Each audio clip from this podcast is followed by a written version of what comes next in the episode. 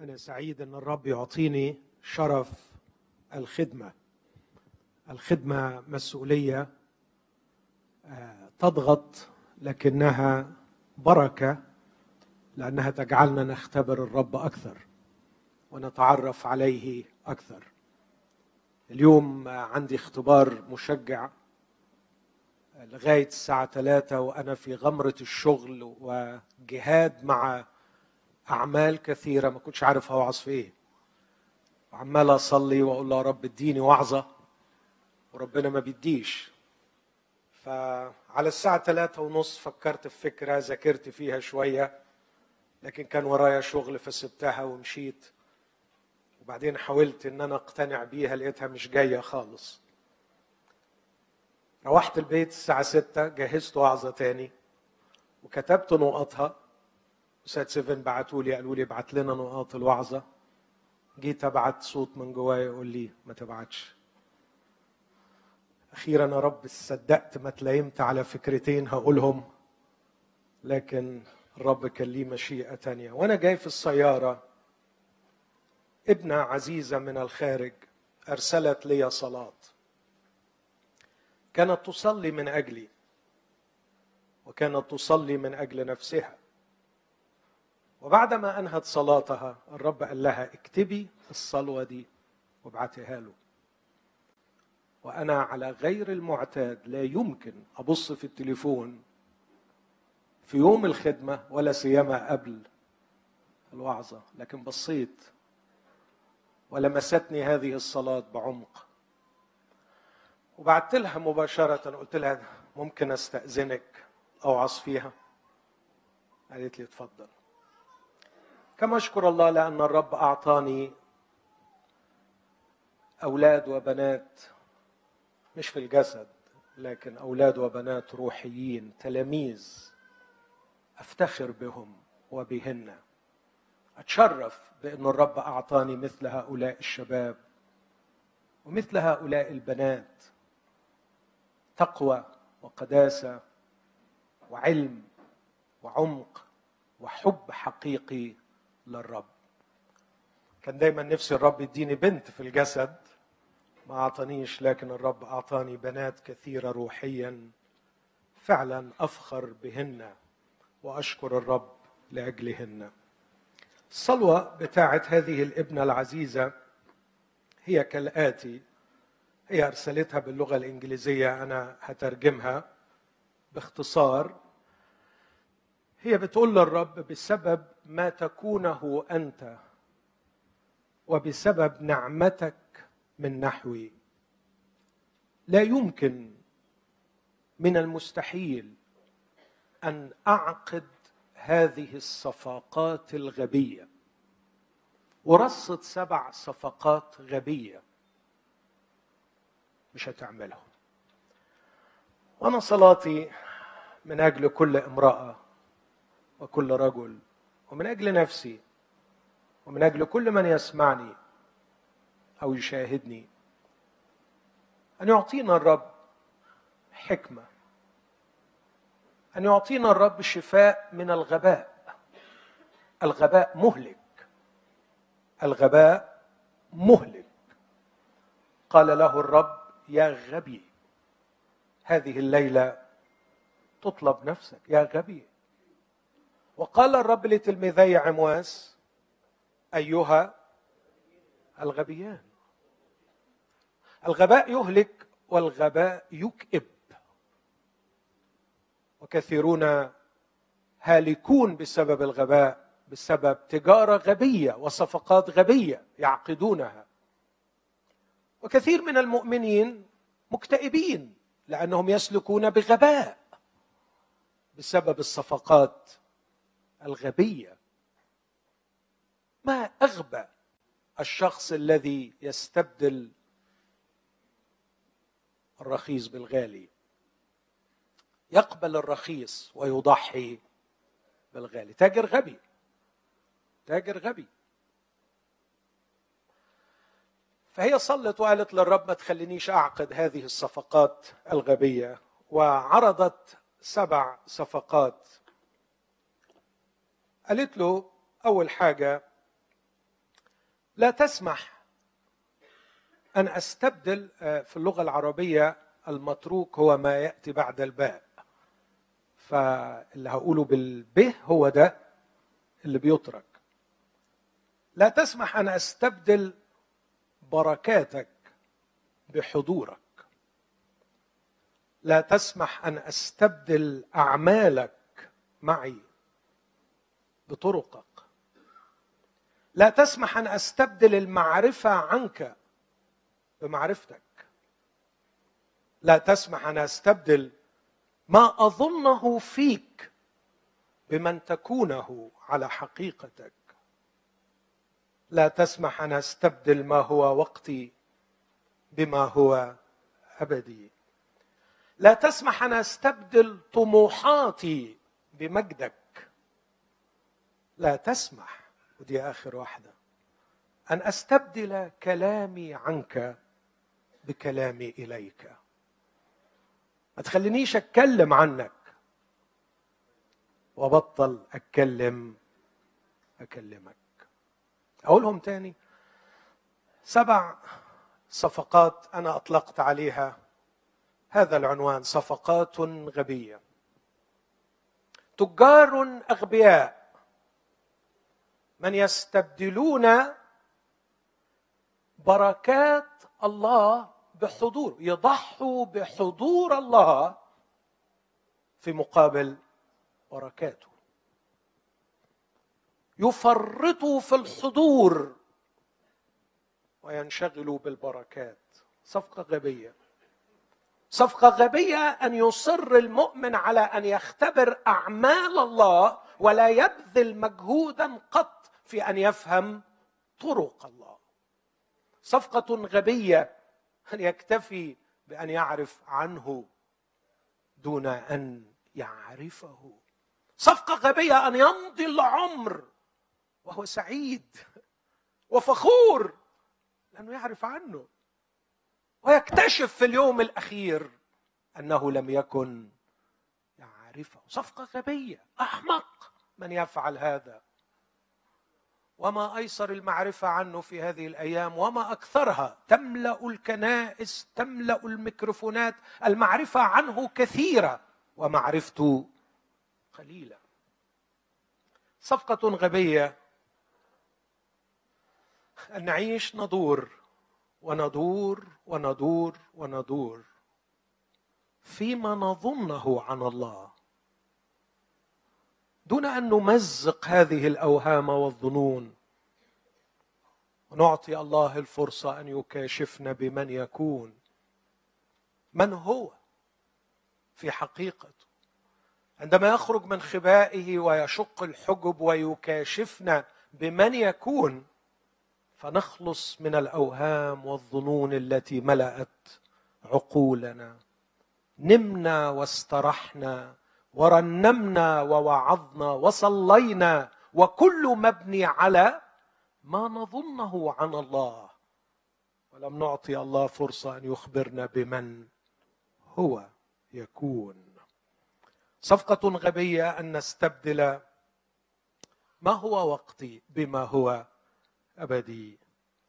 صفقة غبية عندما أعيش وأحلامي كلها هي طموحاتي.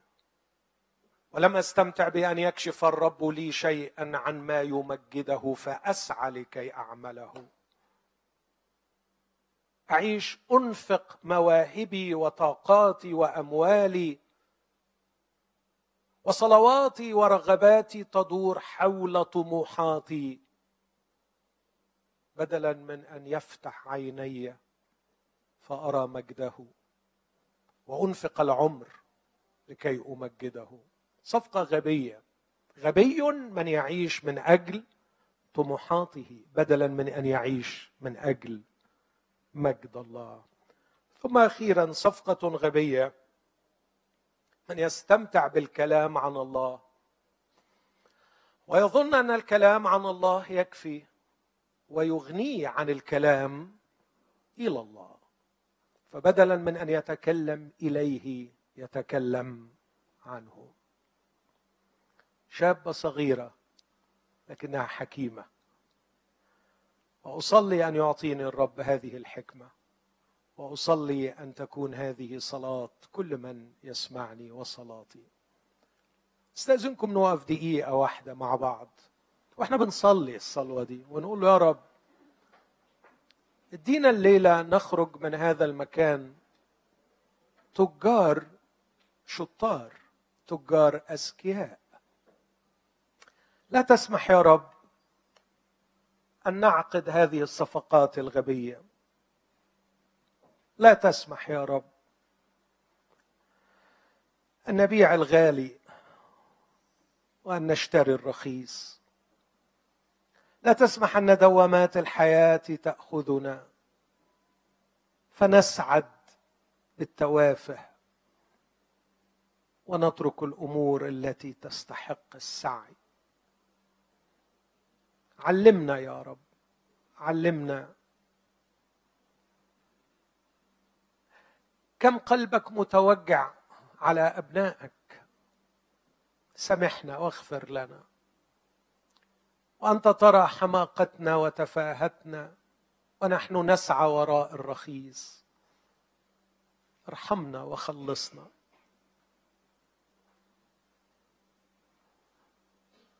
نقول لك في الغضب اذكر الرحمة. نقول لك عملك في وسط السنين احييه قلت لنا من جهة بنية ومن جهة عمل يدي أوصوني. أنت تحب أبنائك وها نحن نأتي ضارعين من أجل أبنائك. اصنع معجزة وخلصنا من التفاهة خلصنا من الطفولة. وأعطنا هذا النضوج. أعطنا كلاما في هذه الليلة يساعدنا لكي نصلي هذه الصلاة. في اسم المسيح يا ابا نستجب آمين. مش عايز أوعد أني ما اطولش لأني للأسف دايما بوعد وما بوفيش خصوصا هذا الوعد. لكن أتمنى أتمنى الليلة إنه أدي فرصة لسامح. آه، يقودنا في فرصة ترانيم وصلاه أكثر في ضوء هذه الأفكار التي مجرد أني أوضحها أو أعلق عليها. الصفقة الغبية الأولى هي أن ننشغل ببركات الله ولا ننشغل بحضور الله. بركات الله وحضور الله. أعتقد إني لا أبالغ ولا يعني أعتقد أن توقعي مبالغ فيه. إذا جمعت مئة مؤمن ومؤمنة وقلت لهم بركاته ولا حضوره يعني توقعي توقعي أكيد هيقولوا الاثنين طبعا عشان شطار بس دي مش شطارة. لكن جوه في القلب طبعا طبعا أهلا وسهلا بحضوره. يجي أهلا وسهلا ما كله بيجي. إحنا معقول يعني هو يحب يحضر وإحنا نقول له لا لا لا أهلا وسهلا. أهلا وسهلا يحضر. بس المهم بركاته. خلينا في الجد. حكاية حضوره دي على العين والرأس إذا جت إحنا طبعا لا يمكن إن إحنا نزعل يعني. أهلا وسهلا أهلا وسهلا. يا ميت أهلا وسهلا. لكن اللي إحنا محتاجينه فعلا هو بركاته. لكن الليلة عايز أعلي صوتي وأصرخ وأقول هذا غباء لأن البركات تسعد لكن الحضور يقدس. البركات تسعد لكن الحضور يقدس. ومن يستبدلون القداسه بالسعادة؟ أغبياء لأن السعادة تزول أما القداسه تدوم. إحنا سعدنا كم مرة في الحياة؟ أو حد يقول لي ما سعدتش ابدا. يا ما سعدنا. يا ما سعدنا. وإيه اللي جرى للسعادة؟ راحت خلاص. وبندور على على تاني. وعلى فكرة ممكن يجي. ممكن تيجي البركة اللي تسعدك. اللي انت متشعلق فيها قوي. ممكن تيجي. ممكن تيجي قوي. بس هو هتفكر إنها هتحقق الإشباع. ياما بركات جات كناش نحلم بيها. ياما بركات صلينا من أجلها. ياما خطر على بالنا عطايا ونقول لو الرب أعطاها لنا. لصرنا أسعد الناس على وجه الله وجات وجات وأسعدتنا. وبعد يومين ثلاثة خلاص راحت السعادة. البركات تسعد لكن الحضور يقدس. وخلونا أقول من الآخر كده النهارده واللي مش هيفهمني ليه ربنا. الله ليس غرضه إسعادنا لكن غرضه تقديسنا. اللي مش عاجبه يفتح الله. أنا مش هراعي خواطر. بس على فكرة المقدسين سعداء وسعادتهم دائمة. وسعادتهم عميقة. وسعادتهم تصمد أمام صروف الزمن ومصائب الحياة. لكن اللي ما عندهمش قداسة حتى لو وضعنا في أيديهم كل البركات سعادتهم سعادة وقتية. وقلة القداسة بتضيع كل البركات. لو ربنا حط في إيدك كل البركات ومفيش قداسة. هتضيعها. هتضيعها. الشيء الوحيد اللي يضمن الحصول على البركة والاستعمال الصحيح للبركة وبقاء البركة هو القداسة. بدون القداسة تيجي البركة. ومش بس بتمشي لكن أقول لك على حاجة غريبة. أحيانا تفسد. أحيانا تفسد. البركة تفسد. أنا شفت ده بعناية كتير قوي. شفته بعناية كتير قوي. شفت ناس البركة مش أفسدتهم اخلاقيا. لا أنا بقول كلام مسؤول عنه. أفسدتهم عقليا يعني طيرت عقلهم. حقيقي. يعني كانت شخصيته محتملة العيوب اللي فيها متغطية ومش باينة قبل ما يبقى غني. الغنى بركة. لما جه الغنى لا شخصيته باظت شخصيته اتدمرت لدرجة ما بيعرفش يعالجه ما بيتعالجش بنزوحه ما بنقدرش نعالجه. ولما بقول لأهله الخير اللي حطيتوه بين إيديه دمره محدش بيفهم. إزاي؟ إزاي؟ ده إحنا ما ما حشناش عنه حاجة. أقول ما هو ده. ما هو ده بالظبط. هو ده اللي دمره. البركات قد تسعد لكن حضور الرب يقدس والقداسة هي التي تأتي بالبركة وتحافظ على البركة وتجعلني أجيد استعمال البركة. لكن في غياب القداسة يضيع كل شيء وأضيع أنا. يقول الكتاب القداسة التي بدونها. لن يرى أحد الرب. لكن العبارة اللي قلتها واللي ممكن تزعج ويا ريت ننزعج شوية أحيانا بيبقى كويس ننزعج. الله مش غرضه يبسطنا. الله مش شخص مسلي عايز يبسطنا عايز يعدي علينا يضحكنا. الله مش غرضه يزغزغنا. الله مش غرضه يسلينا. الله مش غرضه يفرحنا. الله غرضه يقدسنا. بس بأكد تاني للي عايز يفهم الأمين اللي عايز يفهم يوم هتتقدس هتفرح. وهتفرح فرح لا ينطق به ومجيد. الفرح الرخيص الله ما بيدهوش.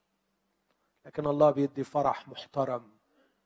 لا ينفصل الفرح المحترم عن القداسة. لا ينفصل الفرح المحترم الفرح الثمين الفرح الباقي الفرح الحقيقي لا ينفصل عن القداسة. لكن أدافع عن الفكرة اللي قلتها من كلمة الله. كيف انه غرض الله مش إنه يفرحنا لكن إنه يقدسنا. من أشهر الأصحاحات الجميلة والمهملة رسالة العبرانيين أصحاح 12 هذا الاصحاح يتكلم عن التأديب. وفي المسيحية لدينا نوعان من التأديب. لدينا تأديب الآب ولدينا تأديب الرب. فالآب يؤدب والرب يؤدب.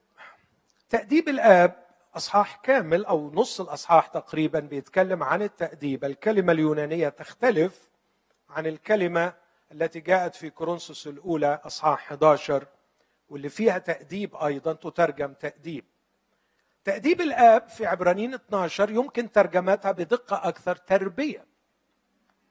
نفس الكلمة اللي منها جاءت كلمة طب الأطفال بيدياتريك البيديا دي يعني الأطفال. فواحد بيربي وبيعلم أطفال. فلما يقول إن الآب بيأدبنا يعني الآب بيعلمنا وبيكبرنا وبينضجنا وبيربينا وعشان كده ممكن يأدبنا بالإحسانات لأنه التربية أحيانا بيبقى فيها أحضان التربية أحيانا بيبقى فيها عطاء لكن لا تتوقف عند حد الأحضان والعطاء. بص كده وهو بيتكلم بيقول في عدد أربعة يا جماعة شكلكم كده محتاجين تأديب. ليه؟ لأنكم لم تقاوموا بعد حتى الدم مجاهدين ضد الخطية أنتوا عندكم يعني سهولة غريبة في اللعب مع الخطية في حد يلعب مع التعبان؟ في حد يلعب مع العقرب؟ أنتوا بستغرب من منظركم وانتوا عندكم تهاون في التعامل مع الخطيه بتهزروا مع الخطيه بتلعبوا مع الخطيه حبيبي الخطية ما يلعبوش معاها. الخطية يعملوا فيها إيه؟ يقوموها ده كلام ربنا. الخطيه قوموها. وانتوا قاومتوا بس الحقيقة أسلوب مقاومتكم مش عاجبني. ليه؟ ليه يا بولس؟ ما عرقناش؟ يقول لا مش ما عرقتوش ما نزفتوش. المقاومة ضد الخطيه حتى الدم حتى الموت. أموت ولا أعملها. الرب يساعدنا. قاوموا قاوموا إبليس وقاوموا الخطية.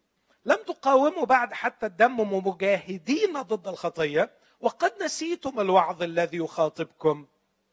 عشان كده هيفكركم بيه بقى. هيفكركم. هيفكركم بالتأديب. نسيتم الوعظ الذي يخاطبكم كبنين. يا ابني لا تحتقر تأديب الرب. ولا تخر إذا وبخك. لأن الذي يحبه الرب يؤدبه ويجلد كل ابن يقبله. إن كنتم تحتملون التأديب يعاملكم الله كالبنين فأي ابن لا يؤدبه أبوه. ولكن إن كنتم بلا تأديب قد صار الجميع شركاء فيه فأنتم نغول لا بنون.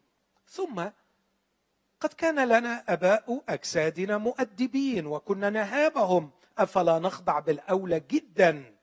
لأبي الأرواح فنحيا لأن أولئك أدبونا أياما قليلة حسب استحسانهم. وأما هذا فلأجل المنفعة لكي نشترك فيه قدست بص العدد اللي بعده. ولكن كل تأديب في الحاضر لا يرى أنه للفرح بل للحزن. وأما أخيرا فيعطي الذين يتدربون به ثمر بر للسلام. عدد 14 اتبعوا السلام مع الجميع والقداسة التي بدونها. لن يرى أحد الرب.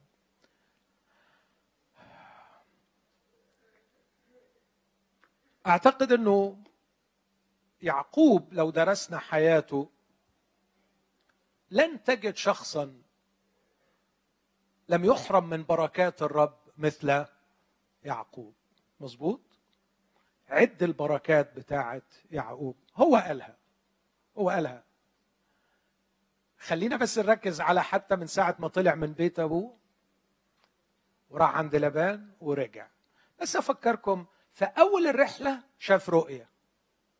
راى سلم منصوبة من الأرض للسماء والملائكة طالعة ونازلة والرب نفسه واقف بيقول له أنا معك وأحفظك حيثما تذهب وأردك إلى هذه لن أتركك حتى أفعل ما كلمتك به. ده في أولها. ففي أول العشرين سنة شاف رؤية. في نهاية العشرين سنة مش شاف رؤية شاف الرب نفسه. وصارعه إنسان حتى طلوع الفجر. وقال له لن أطلقك إن لم تباركني. وباركه هناك.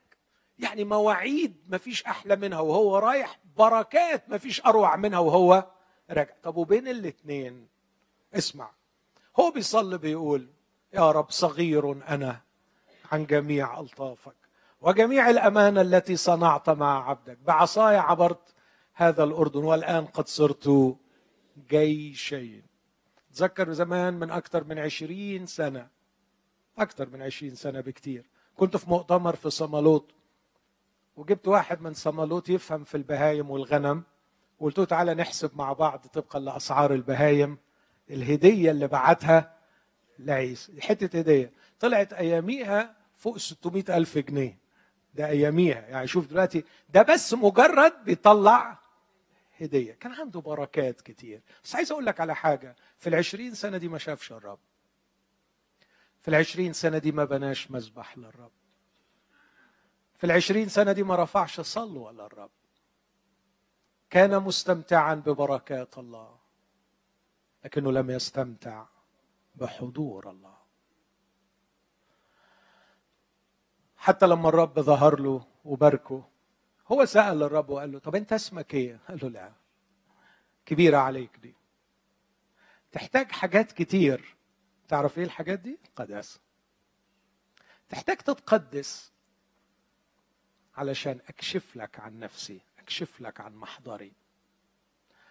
الكلام ده في 32 في 35 فاء بعد ما اتضرب ضربات كتير بعد ما العيال طلعوا كل الفساد بعد ما راؤوبين صعد على مضجع أبيه ونجسه بعد ما الولدين قتلوا بعد ما دينا طلعت وتدنست بعد ما الدنيا خربت وبدأ يشعر إيه قيمة الحياة مع الفلوس؟ إيه قيمة الحياة مع البركات؟ أنا عندي حاجات تانية خربانة مش هعرف ألمها، العيال فاضحني في كل الدنيا والسمعة مطينة بطينة والجروح اللي عمالة تجيلي أقصى من أي شيء. إيه الخيابة اللي أنا فيها دي؟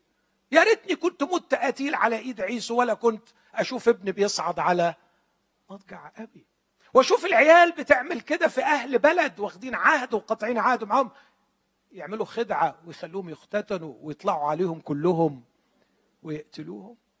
إيه العيشة السوداء دي؟ فين ده من إبراهيم لما أهل الأرض يقول لهم ادوني قبر يقول له في أفضل قبورنا. ادفن لأنك أنت رئيس من الله بيننا. هو يقول لهم كدرتموني عند أهل الأرض. ده الفرق. بين شخصية تحمل حضور الله لأنها تعيش في الحضرة الإلهية حيثما ذهب إبراهيم يبني المذبح ويعيش في حضرة الله ويعرف من هو الله فيترك عبيرا وعطرا يحمل الحضور الإلهي حيثما يذهب. وعلى فكرة ما تحرمش من البركات. لكن ما كانتش دي اللي شغلها خالص. كان عنده كل البركات دي لكنه عاش في خيام. عاش في خيام. ولا كأنها بتاعته. ولا كأنها بتاعته. لكن يعقوب أول ما راح شاكيم بنى بيت كانش عنده هذا ال... هذا الإحساس بأن السكنة الحقيقية هي في محضر الله كجده إبراهيم.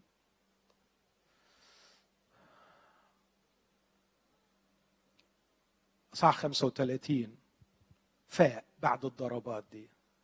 تأديبات الآب لكي يشترك في قداسته. تعرف هو اللي راح لوحده من غير ما ربنا يكلمه. وقال لأهل بيته اعزلوا الآلهة الغريبة وتطهروا. يلا بينا على القداسة ملناش حل إلاها. يلا بينا نرجع على الطهارة. يلا بينا نعزل الآلهة الغريبة اللي نجستنا وأفسدتنا ودمرت بيوتنا. يلا بينا نتوب قدام الرب إلهنا ونعزل الإله الغريب. واستغرب طلعت آلهة غريبة كتير. وعلى فكرة هو كان عارف. هو كان عارف إن فيها آلهة غريبة. لما جه لبان يفتش وبيقول له ليه سرقت آلهتي؟ قال له ما أنا ما سرقتش منك حاجة بس طلع في الآخر إن رحيل سرقة. وهو عرف وسكت. وسكت. مش مشكلة ان يبقى في آلهة غريبة. طالما إن ربنا مبارك طالما الأمور ماشية خلاص مش مشكلة. لا يا حبيبي لازم تفوق وتعرف إنه لو ما فيش قداسة في مشكلة. وهتطرح لك ثمر مر إن اجلا أو عاجلا. يمكن ما حدش يقول لك الكلام ده خليني أقوله لك. لو في نجاسة في الحياة مش هتفلت من الحصاد. الخطية مرة. عدم القداسة مرار. مش بس ما يشوفكش ربنا مش هيشوفك خير في الدنيا. والبركات كلها اللي حيلتك عمرها ما تنفعك. على النقيض من هذا الرجل يعقوب أرى رجلا كإشعياء. إشعياء كان من النسل الملكي إشعياء كان شاعرا إشعياء كان نبيا إشعياء كان كان كان كان. لكن نقطة التحول الكبرى في حياته لا ميلاده ولا مواهبه ولا إمكانياته لكن جلسة في حضرة الله. في سنة وفاة عزي الملك. دخل إلى محضر الله وراء السيد. وهناك في الحضرة الإلهية اكتشف نجاسته. يا رب انعم علينا بالحضرة دي من فضلك. انعم علينا بالدخلة الحلوة دي يا رب. فقال ويل لي إني هلك. لأني إنسان نجس الشفتين. عندما تقدس استخدم ليكتب أطول سفر أو أعظم سفر في العهد القديم سفر إشعياء. نطق فمه وكتب قلمه أعظم قصائد في المسيح في ألامه وفي أمجاده. أتمنى من قلبي إن الرب يدينا نعمة نعقل وتكون صلواتنا في الفترة اللي جاية مش بركات لكن حضور. والحضور يستلزم قداسة ويقدس. فنبقى مشغولين بالقداسة أكثر من السعادة.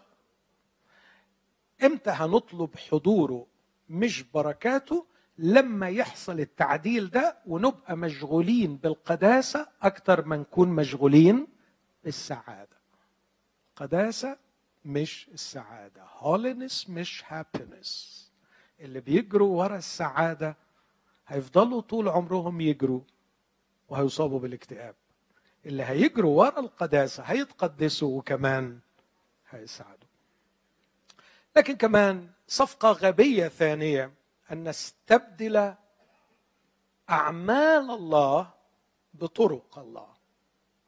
اعمل يا رب معي بدلا من فهمني يا رب. لماذا؟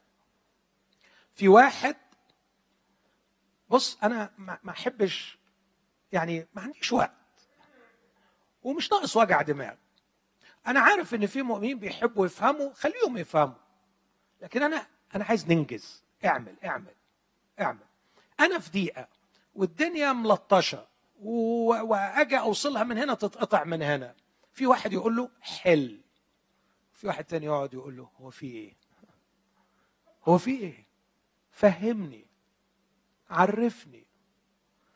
وقول أي كلام مش مشكلة. حتى لو غلط ما قال له أيوب. هو أيوب كل الكلام عبارة عن ما بيقولوش حل. خلي بالك اقرأ سفر أيوب ما بيقولوش شيل عني المصيبة. لا لكن بيقول له فهمني. هو في إيه؟ فهمني لماذا تخاصم هو في عداوة وأنا ما أعرفهاش. هو أنا عملت مصيبة ما أنا مش واخد بالي منها؟ اتكلم معايا رد عليا. ما تسيبنيش كده. وبعدين هم بيتكلموا أنا مش مقتنع بكلامهم. يا أخي اقبل أي كلام وأنت لاقي كلام اقبل أي كلام. لا ما اقبلش أي كلام أنا عايز أفهم. عايز أفهم عايز أعرف. وأجاب الرب أيوب من العاصف وتكلم الرب كثيرا وطويلا وعميقا. وجعله في النهاية يبتهج ويقول هذه الكلمة. وهو لسه على فكرة في المرض ولسه في التراب ولسه جلده. يعني متقيح. قال له بسمع الأذن سمعت عنك أما الآن فقد رأتك عيناي. علمت أنك تستطيع. لما فهم طرقه خلاص أنت لا يعصر عليك أمر. مشغولون جدا بأن يعمل بدلا من أن ننشغل بأن نفهم طرق الرب طرق الرب طب ليه ربنا يعني منشف دماغه قوي على حكاية إنه يفهمنا طرقه ما يخلصنا وينجز ويعمل لنا أعماله؟ تعرف ليه؟ أقول لك على حاجة غريبة. عايز يصاحبنا تتصور؟ تتصور نفسه حلوة للدرجة دي؟ هو عايز يصاحبنا. عشان كده مصر إن إحنا نسأله وندخل في حوار معاه علشان نفهم.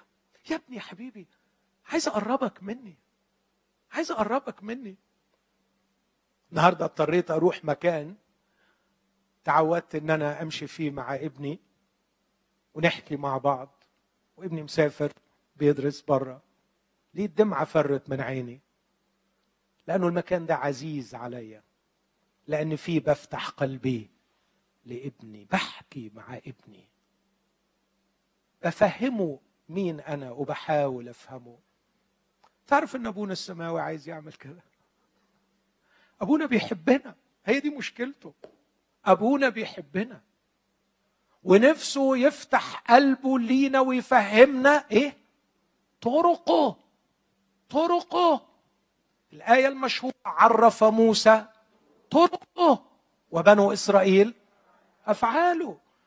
ماذا كانت نهاية بني إسرائيل وماذا كانت نهاية موسى؟ نهاية بني إسرائيل 600 ألف جثة سقطت في القفر.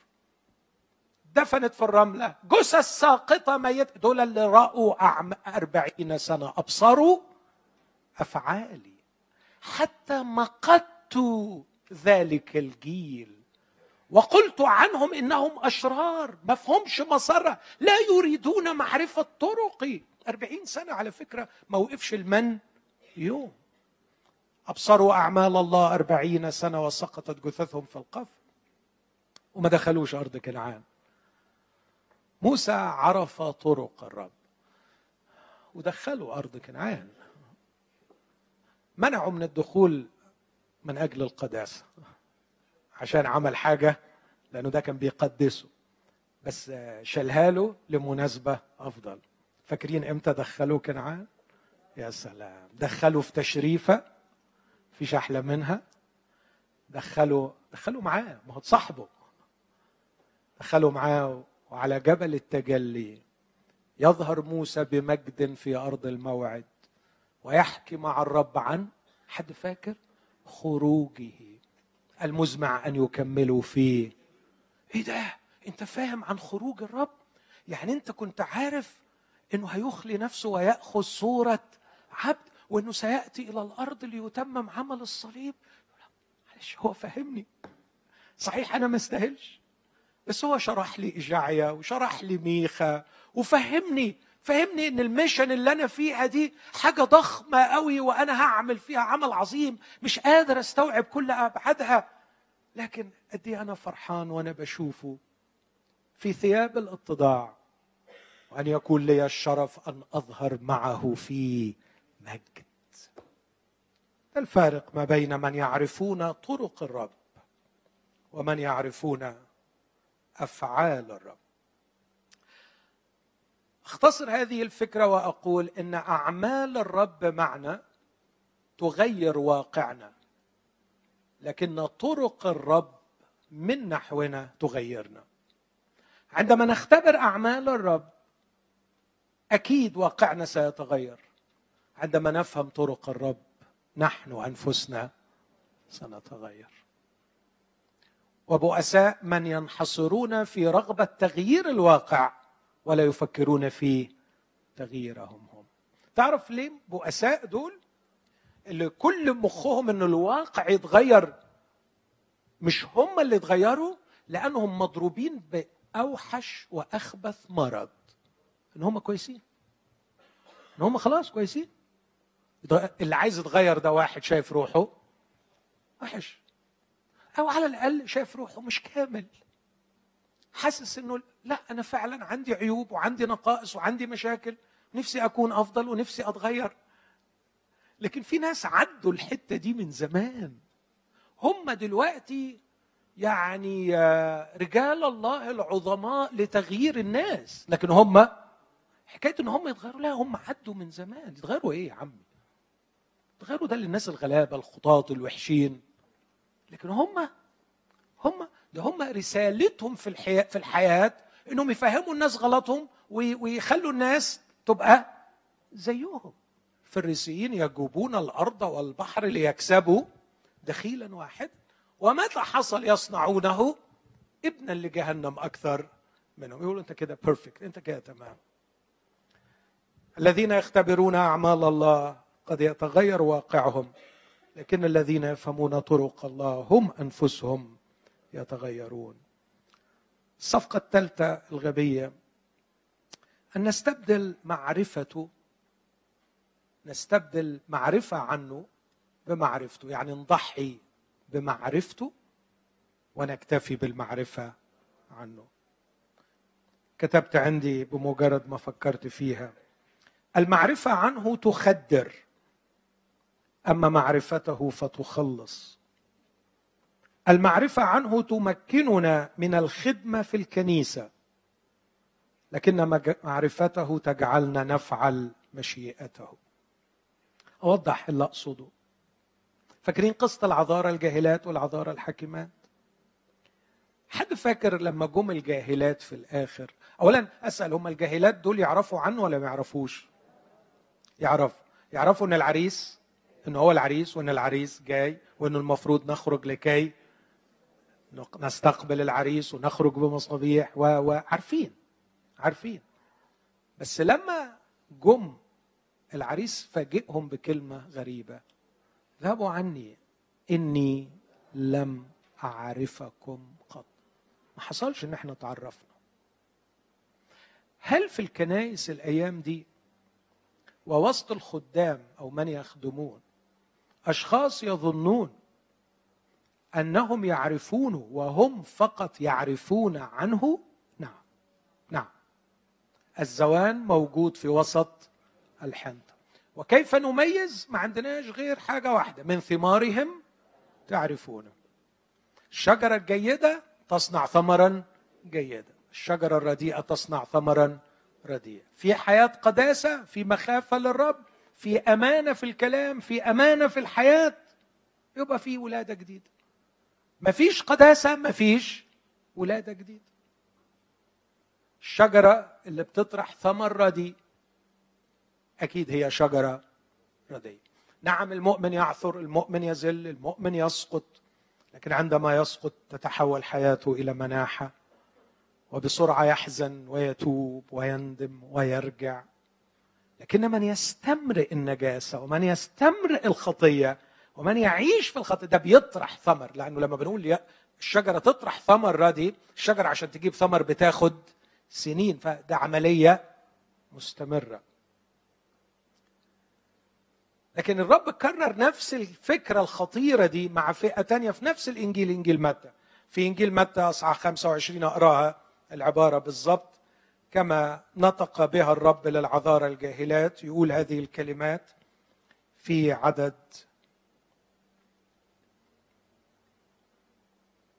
أخيرا عدد 11 جاءت بقية العذارى أيضا قائلات يا سيد يا سيد افتح لنا. فأجاب وقال الحق أقول لكن إني ما أعرفكن. ممكن حد يبقى يعني دوب الكنايس حضور وعرف كتير واتكلم كتير وفهم كتير عن ربنا غير ما يكون في معرفة شخصية بينهم آه. وده اللي بيقوله الرب في نفس الإنجيل أصحاح سبعة وفي ختام عظة الجبل الرب كان بيحذر تحذير واضح وخطير وقوي فبيقول في عدد 21 و 22 ليس كل من يقول لي يا رب يا رب يدخل ملكوت السماوات بل الذي يفعل إرادة أبي الذي في السماوات. كثيرون سيقولون لي في ذلك اليوم يا رب يا رب أليس باسمك تنبأنا؟ وباسمك أخرجنا شياطين؟ وباسمك صنعنا قوات كثيرة؟ فحينئذ أصرح لهم إني لم أعرفكم قط. اذهبوا عني يا فاعلي الإثم. عشان كده بقول انه المعرفة عنه قد تمكننا من الخدمة في الكنيسة. لكن لا تمكننا من أن نفعل مشيئته. والرب مش عايز خدمة الرب عايز فعل مشيئته. لما قال عن اللي, اللي هيدخلوا ملكوت السماوات ما قالش اللي هيخدموا. لكن قال من يفعل إرادة أبي الذي في السماوات. بل الذي يفعل إرادة أبي الذي في السماوات. إرادة الله ما هياش لوايح ما هياش لسد إرادة الله يعلنها الله لخائفيه فسر الرب لخائفيه وعهده يعني قاطع عهد إن هو يعلمهم ويرشدهم. أعلمك أرشدك الطريق التي تسلكها أنصحك بعين التي هي عليك. اللي قاله لي امبارح ما يكفيش للنهاردة. في حاجات كتير قوي أقدر أقرأ الكتاب أعرف ما هي إرادة الله. بس في مليون حاجة تاني محتاج أعرف فيها إرادة الله مش مكتوبة في الكتاب. محتاجة الشركة الشخصيه بيني وبينه أكيد مش هتتعارض مع الكتاب. لكن ما يكفيش المعرفة. يعني لما أدرس وأخد دكتوراه في رسالة أفسس ولا في العهد الجديد ده ما يضمنليش ابدا إني أعمل مشيئة الله. لأن مشيئة الله دي حاجة هيكشفها لي الرب من يوم ليوم من ساعة لساعة. لما أكون في حضرته في شركة معاه يكشف لي الرب إرادته. وعندما أعمل إرادة أبي الذي في السماوات أدخل ملكوت الله. الصفقه الغبيه الرابعه ما أظنه فيك بمن تكون. بيبقى عندنا أحيانا كثيره رصيد مش قليل. مما تعلمناه من مدارس الأحد وما تعلمناه من الكنائس وما تعلمناه من الوعاظ شكل لنا صورة الله في أذهاننا. ونظل نعيش طول العمر نتعامل مع هذه الصورة. وقد تكون هذه الصورة صورة خاطئة.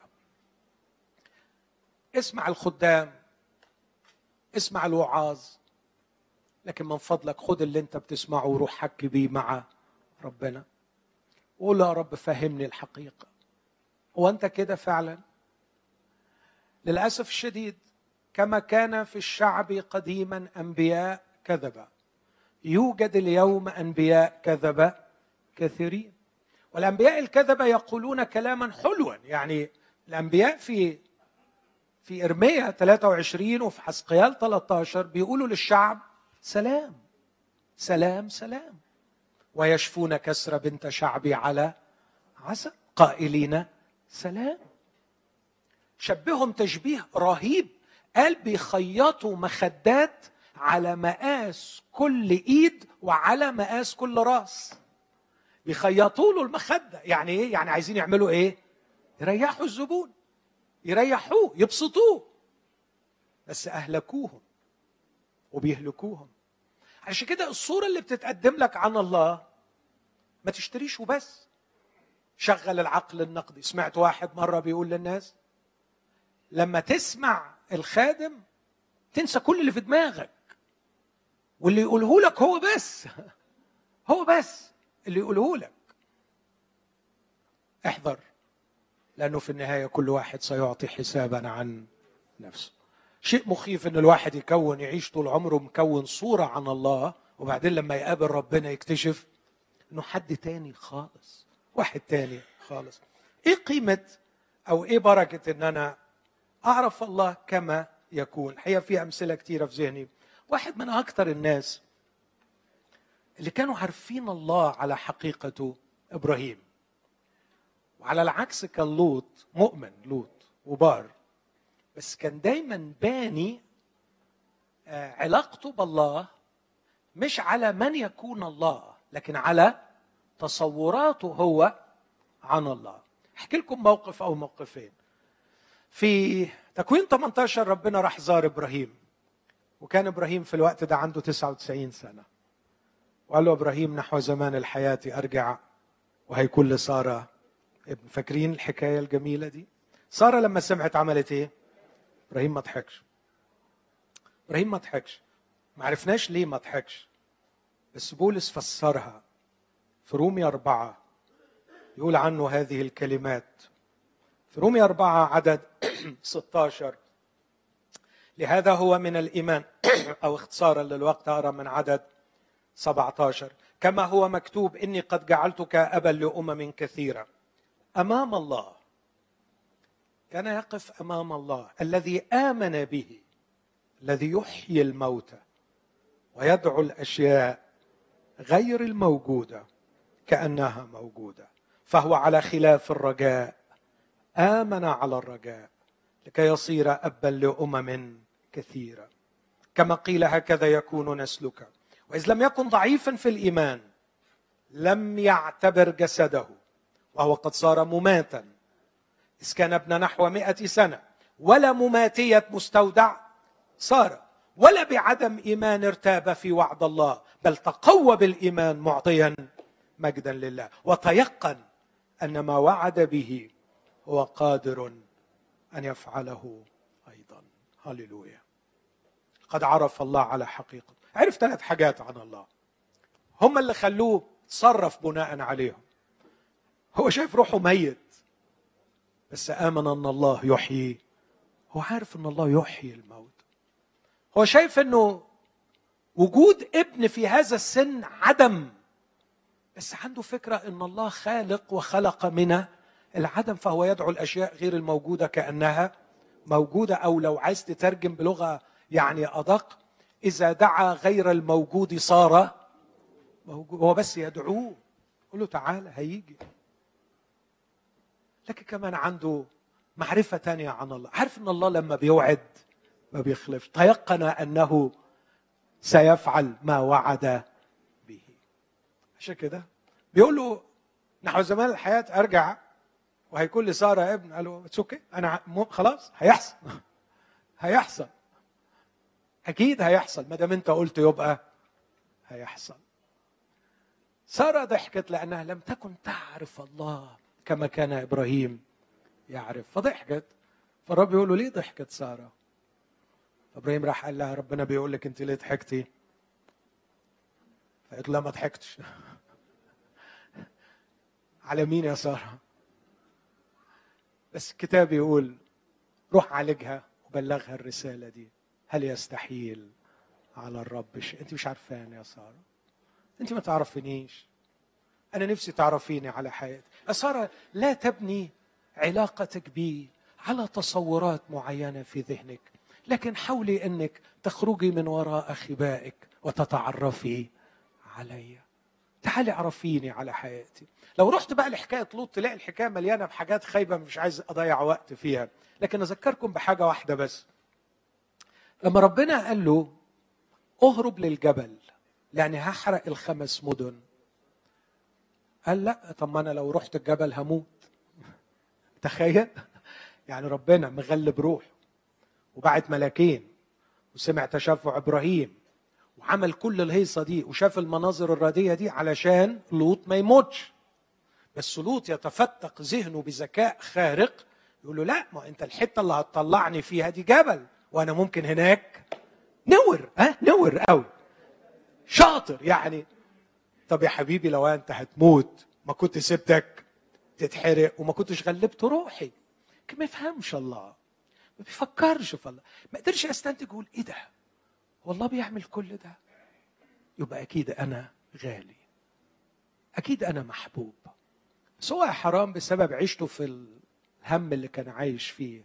رخص في عينين. نفسه. رخص في عينين نفسه بس أنا عايز أبلغ الرسالة دي لأي مؤمن حقيقي. مهما رخصتك خطاياك في عينين نفسك عمرك ما ترخص في عينيه هو. عمرك ما ترخص في عينيه.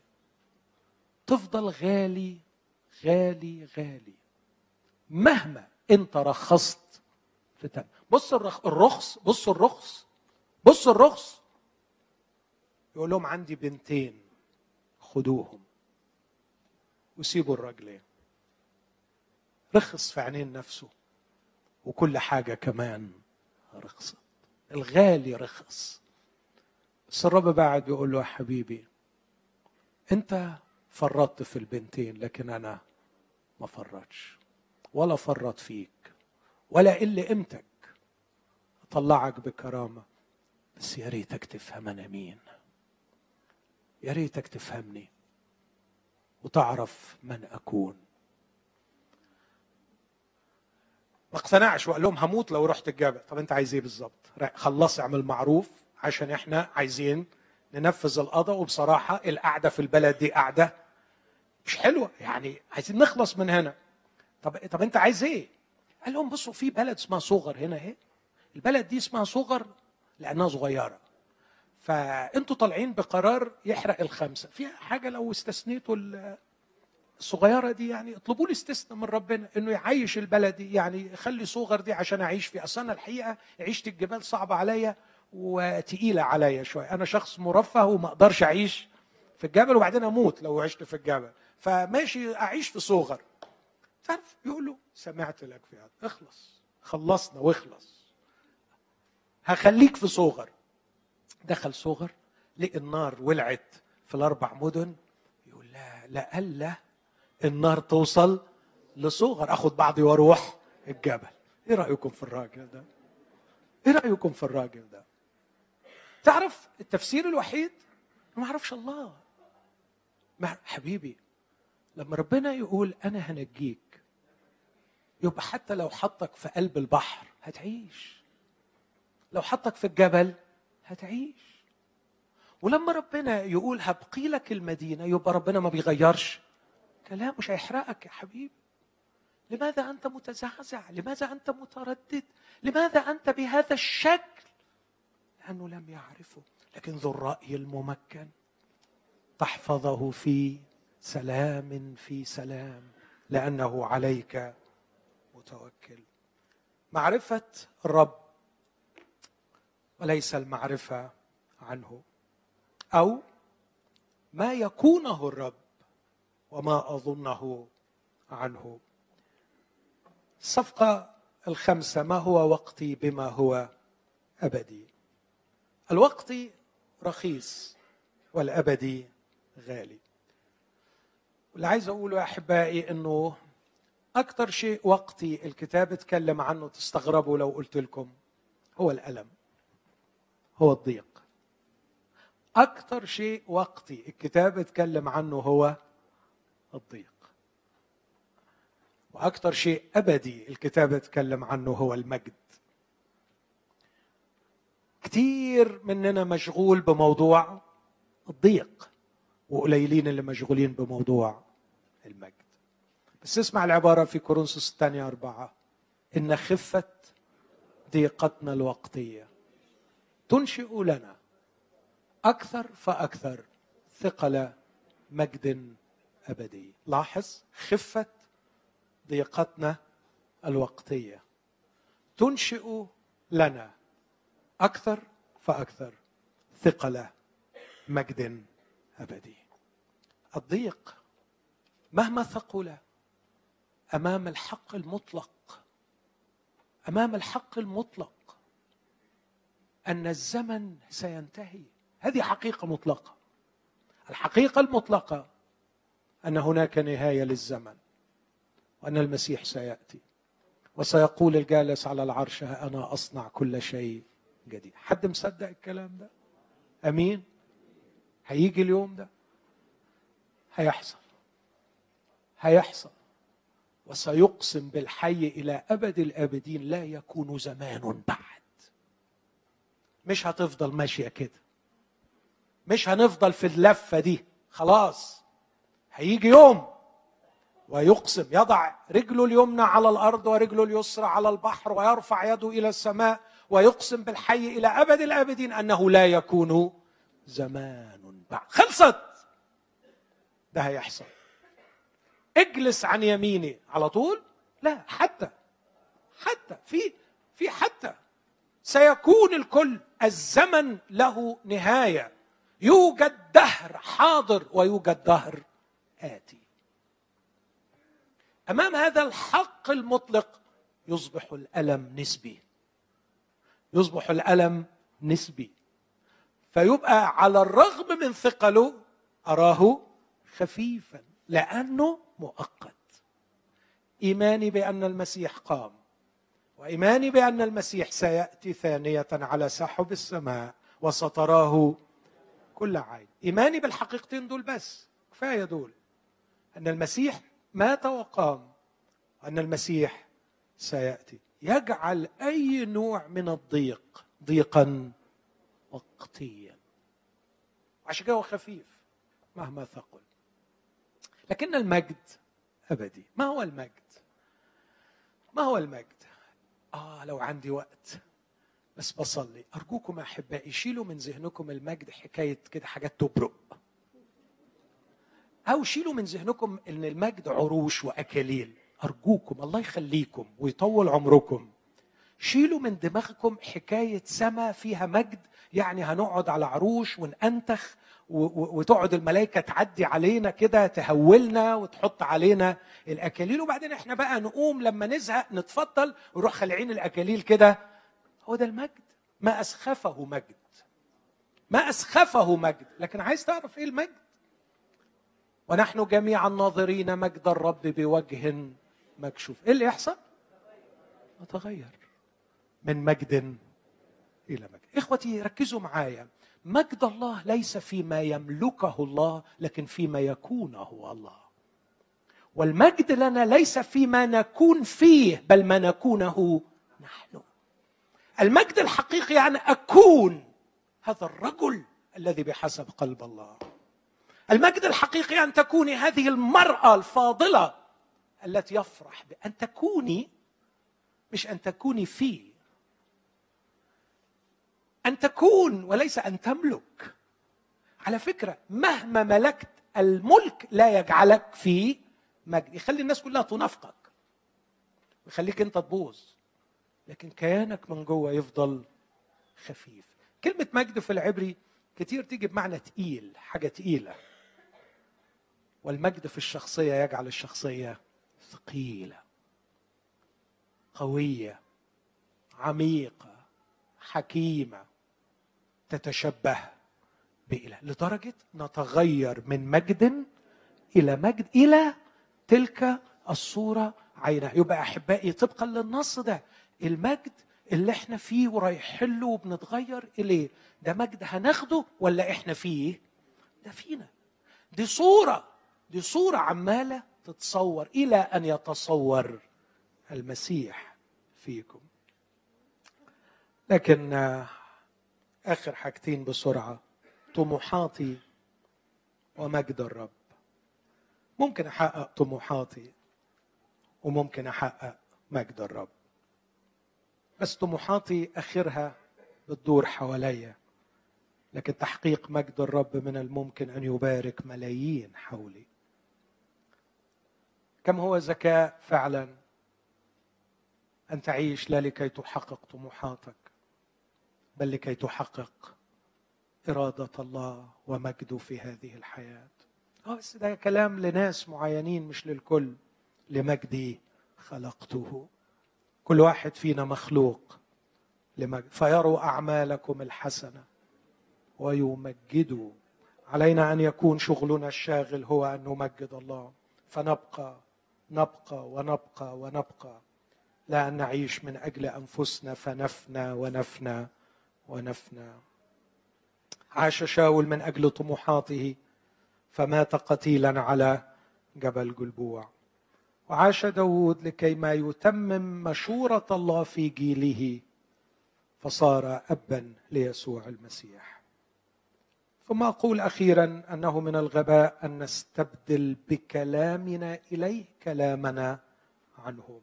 وأقول أن كلامي عنه قد يجعلني أخدم لكنه لا يجعلني خادما له. إيه الفرق بين الاثنين؟ في أشخاص بيخدموا الرب ما نقدرش ننكر يعملوا خدمات لكن الرب ما يسموهمش إن هم خدامه. لو عايز تشوف عينة لكده اقرأ عن عبادية في ملوك الأول 18 عبادية بيخشى الرب وخدم الرب وقال كلمة خطيرة قال حي هو الرب بس ما كملهاش. فاكرين ايليا كان يقول إيه؟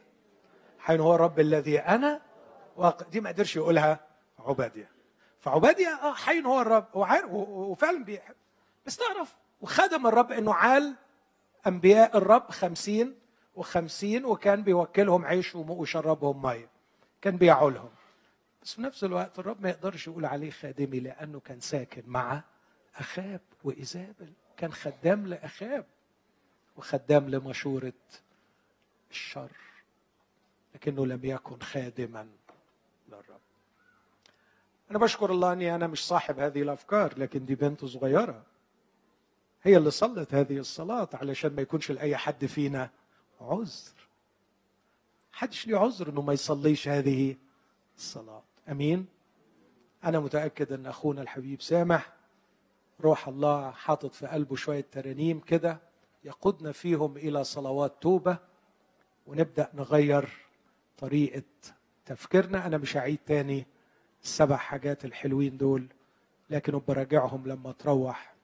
وأتمنى إنه في في بقية العمر يكون ده منهجنا في الصلاة. أمين؟ آه أنا مش عايز بركاتك أنا عايز حضورك. أنا مش عايز أعمالك لكن عايز طرقك. أنا مش عايز طموحاتي لكن عايز مجدك. أنا مش عايز معرفة عنك لكن عايز أعرفك. أنا مش عايز أتكلم عنك لكن عايز أكلمك. وهكذا. صلي هذه الصلوات بقية العمر. وأوعدك إنك هتتقدس وكمان هتسعد وهتفرح وهتلاقي الحياة ليها معنى. خلونا نقف مع بعض. وإحنا بنتوب بنصلي بنتضرع إلى الرب